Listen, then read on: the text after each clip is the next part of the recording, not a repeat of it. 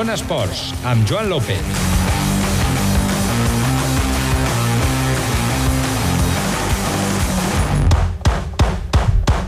Hola, molt bona nit. Passen 17 minutets de les 8. Comencem una nova edició del Zona Esports a Ràdio Nacional d'Andorra.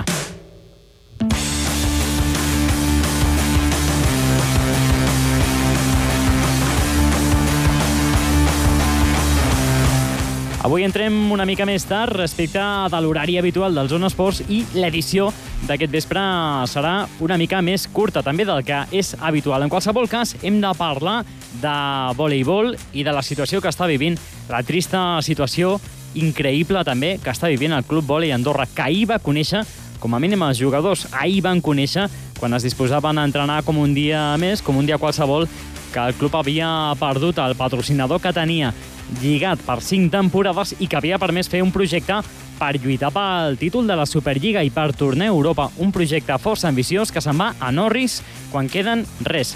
Uns dies per començar la Superliga. Ho havia de fer el dissabte al Club Ole Andorra a la pista del vecindario de Gran Canària. Aquesta era la situació ahir i avui els jugadors han tornat a entrenar-se. Doncs, eh, de moment, esperant. Aviam quina és la solució que es pot trobar al seu futur. Com diem, els jugadors han tornat. El Joan Alai per entrenar aquesta tarda. Tenen llibertat per buscar aquí, però de moment continuen units i encara, encara que sembla, sembli increïble, no llencen la tovallola. Parlarem amb algun dels integrants de la plantilla per conèixer quina és la seva posició i com han rebut tot plegat però també abans connectarem amb Bèlgica, amb Brussel·les, perdó, on tenim el nostre company Xavi Bonet. I és que la selecció de futbol juga demà un partit del preeuropeu de la fase de classificació per a l'Eurocopa de França 2016. És el segon de la Lligueta davant de Bèlgica i tot ja és a punt perquè demà es disputi aquest partit a partir de 3 quarts de 9 i en directe per Ràdio Nacional d'Andorra. Com diem, començarem el programa connectant amb el nostre company Xavi Bonet per conèixer la darrera hora. Tot això en aquesta zona esports cobrim amb Ricard Porcuna. Les vies de Soy qui us parla, Joan López. Deixem el sumari i comencem.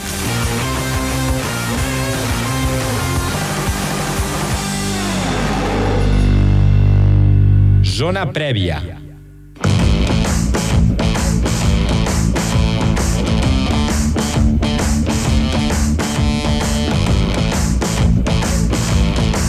Doncs amics, ja tenim al telèfon el nostre company Xavi Bonet des de Brussel·les. Xavi, bona nit.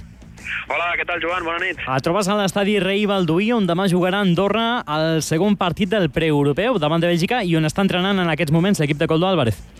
Així és, eh, fa res, 10 eh, minutets mal comptats, que l'equip del Coldo ha començat eh, a fer aquest últim escalfament abans del partit de demà en aquest estadi Rei Balduí, que la veritat és que fa força goig. Eh? Ens diuen que és un estadi vell, és un estadi que ja hi ha doncs, intencions de remodelar-lo, però sí que és veritat que els que no estem gaire acostumats a veure grans estadis, els que seguim la informació esportiva d'Andorra, doncs evidentment sí que veure un estadi d'aquestes magnituds eh, com a mínim impressiona. Uh -huh. Xavi, un estadi en el qual Andorra jugarà demà davant una de les millors seleccions del món en l'actualitat, que és Bèlgica, i ja ho ha deixat clar doncs, els últims eh, tornejos al Mundial, una selecció realment que, que posarà a prova l'equip de Coldo Álvarez. Sí, així és. Bèlgica, com deies, va fer una molt bona actuació al Mundial del Brasil d'aquest estiu.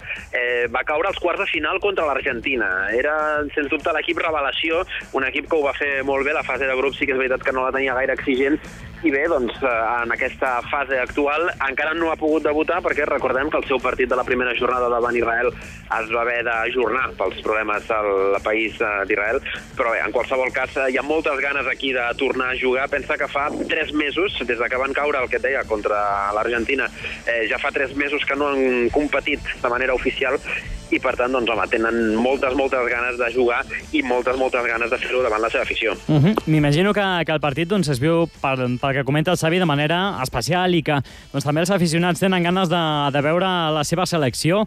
No sé una mica si has pogut eh, copsar quin és l'ambient. La, la selecció arribava aquest migdia a Brussel·les. No sé si has pogut copsar una mica l'ambient que diu el, la premsa, els mitjans de comunicació per aquí, o què diu en aquest cas el, el seleccionador de, de Bèlgica, si heu tingut oportunitat de, de parlar amb ell respecte respecte d'aquest partit de demà. Eh, mira, al carrer sí que és veritat que de moment ambient no n'hi ha gaire, d'acord? Ni tan sols eh, pels voltants de l'estadi. Sí que és cert que la bandera andorrana està ja penjada sobre bé, doncs, a, a l'estadi, aquesta visera que té l'estadi Rei Balduí, però sí que és veritat que ambient, ambient encara no n'hi hauria gaire.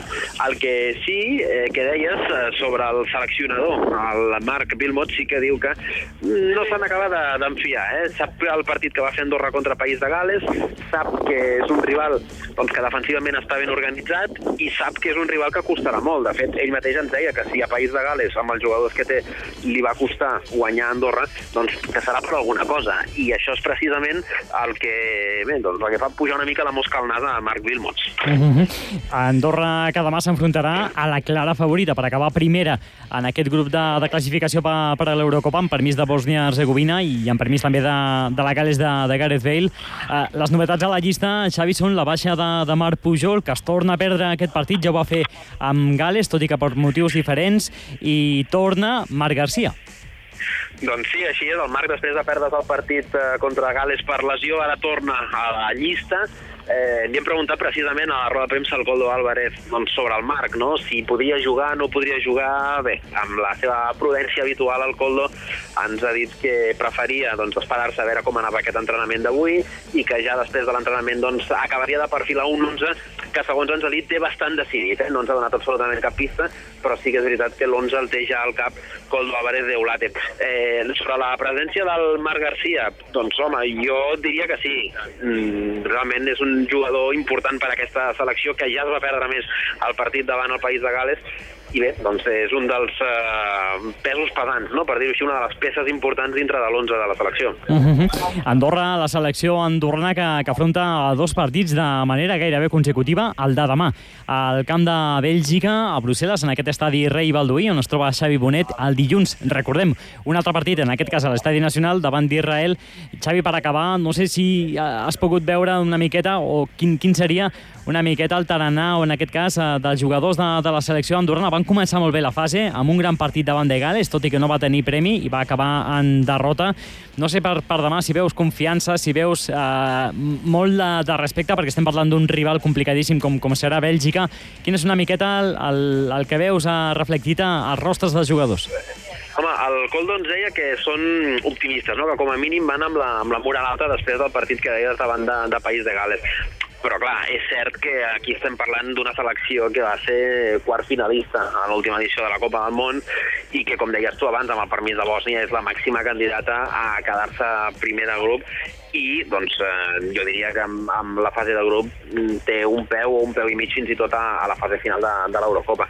Però bé, eh, és el que dèiem, el partit davant de Gales doncs, també semblava que Ramsey, Bale i companyia s'anaven a passejar a l'estadi nacional i Andorra va fer un molt bon partit. Andorra va plantejar doncs, uns 90 minuts amb molta intensitat, sobretot a la zona defensiva, i bé, doncs eh, si demà passa el mateix, de ben segur que Bèlgica no estarà gens còmoda. Uh -huh. No ens perdrem cap detall d'aquest partit que oferirà en directe a Ràdio Nacional d'Andorra demà a partir de 3 quarts de 9 de la nit amb Xavi Bonet des de l'estadi Rei Balduí de Brussel·les. Xavi, que moltes gràcies per aquesta darrera hora i demà tornem a parlar amb tu ja en la prèvia d'aquest segon partit d'Andorra al preeuropeu de futbol. Molt bé, aquí estarem. Gràcies i bona nit. Fins ara, bona nit.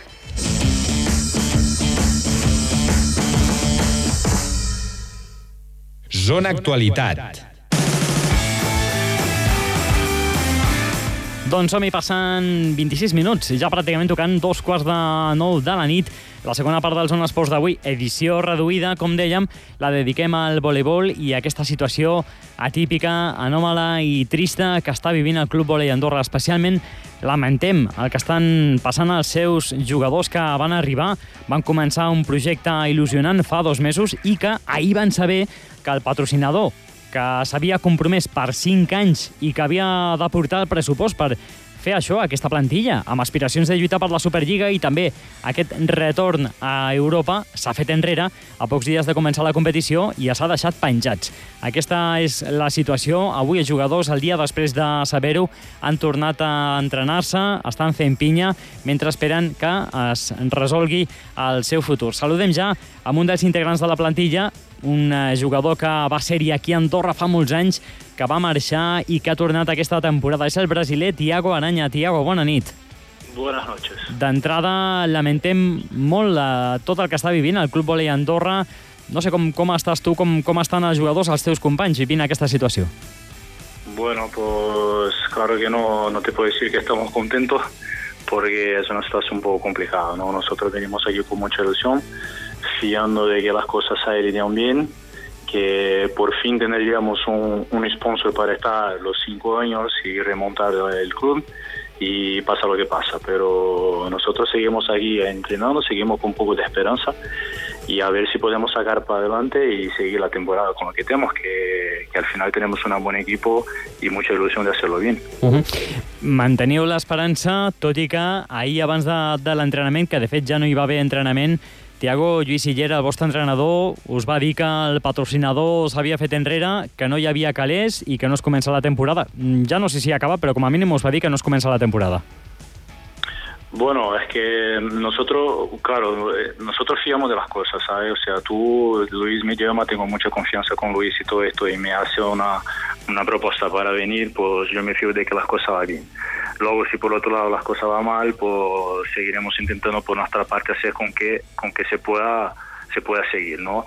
Pues luego de tener la noticia esta, no, pues nosotros seguimos entrenando porque somos profesionales, vivimos de eso. Hay mucha gente que, que ha dejado su trabajo para estar haciendo esto y nosotros tenemos familias que están detrás nuestra, ¿no? Pues entonces nosotros como profesionales seguimos entrenando y si podemos sacar adelante, pues bien, pues si tenemos que sacar o irse a otro sitio, pues ya no iremos, pero seguiremos unidos hasta que podamos.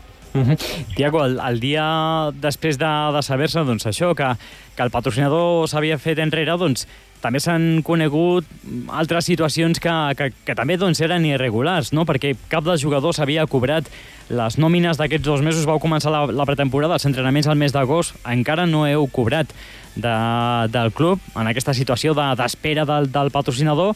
No s'havia cobrat cap nòmina, el club no havia pagat la inscripció a la Superliga, ni tampoc s'havien pagat ni tan sols els, els transfers ni les altes a la cas. Sí, la verdad que, que al final nosotros nos fiamos un poquito más, ¿no? De, de que quizá deberíamos y de todo lo que nos, nos has hablado y nos has prometido el sponsor este, ¿no? Es verdad que estar dos, dos meses entrenando, venir de otro sitio, dejar propuestas y todo esto, como he dicho antes, la gente que ha dejado su trabajo para ser parte del equipo, bueno, y estar ahí sin cobrar los dos meses, es que claro, teníamos la ilusión, veníamos que teníamos un buen equipo, que estábamos empezando muy bien, porque la pretemporada lo hicimos fenomenal, nos hicimos partidos en Francia que, que, que nos ha salido muy bien y teníamos la ilusión, pues seguíamos creyendo que era un problema que había pasado con el sponsor, con el tipo, con su empresa o con lo que sea, y que claro, ya esto estaría solucionado antes de empezar la liga, pero al pasar los meses, al pasar los días, se acerca más el día de empezar la liga, pues estamos ahora mismo viendo que las cosas no es como como, como creíamos, ¿no?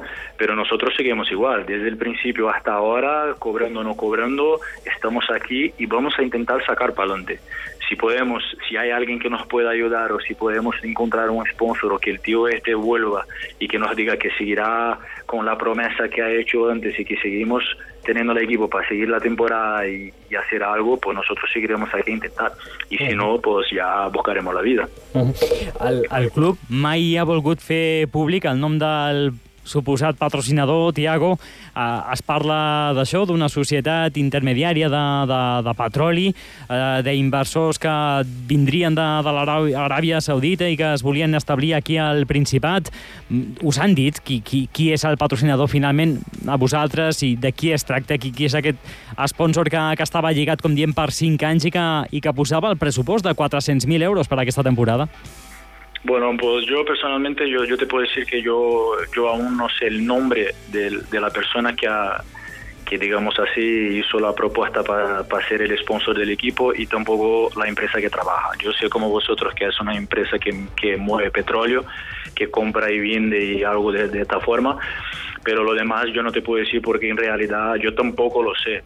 Pero a mí no me parecía un poco extraño porque ya ha pasado un tema como este en Brasil ahora cuando he vuelto hace cuatro años que volví a jugar a Brasil, pues pasó lo mismo. Nosotros teníamos, bueno, nosotros no, pero en Brasil hay un, hay un, un tío de estos también que tiene mucho dinero, que se llama Ike Batista, pues este tipo tiene mucho dinero y tenía una empresa petrolífica también y, lo investió el volei. Pues el primer año le salió muy bien, quedaron campeones y al segundo año pues ya no tenía más el dinero y la equipo terminó como terminó sin su nombre. Pero al principio, antes de empezar todo, lo hizo lo mismo. No quería decir el nombre de la empresa porque claro, tú yo no sé, yo no soy empresario, pero me lo imagino que estás, estás haciendo negocios, estás intentando comprar o vender o haciendo las cosas y luego te sale por toda la empresa que está investiendo 400 mil euros o 2 millones o 10 millones en un equipo, quizá te puede salir mal la negociación. Pues yo por una parte entiendo que no, que no diga su nombre, pero a mí lo que no me parece bien es seguir con el tema hasta casi llegar de empezar la liga y nos dejar tirado como nos ha dejado. És una situació que, repetim, lamentem moltíssim, moltes il·lusions que, que s'han anat a Norris, que han acabat per, per terra, jugadors que han vingut, que han descartat fins i tot potser altres opcions per jugar aquesta temporada i que ara mateix no saben què passarà amb el seu futur.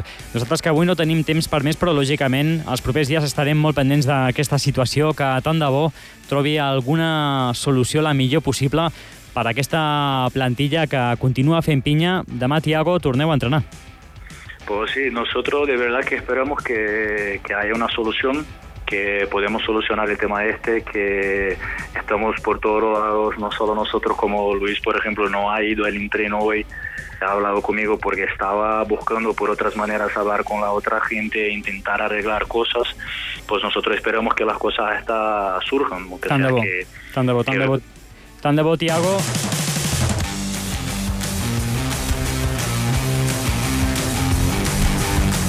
Tant de bo que es trobi una solució en aquesta situació que està vivint el Club Volei Andorra.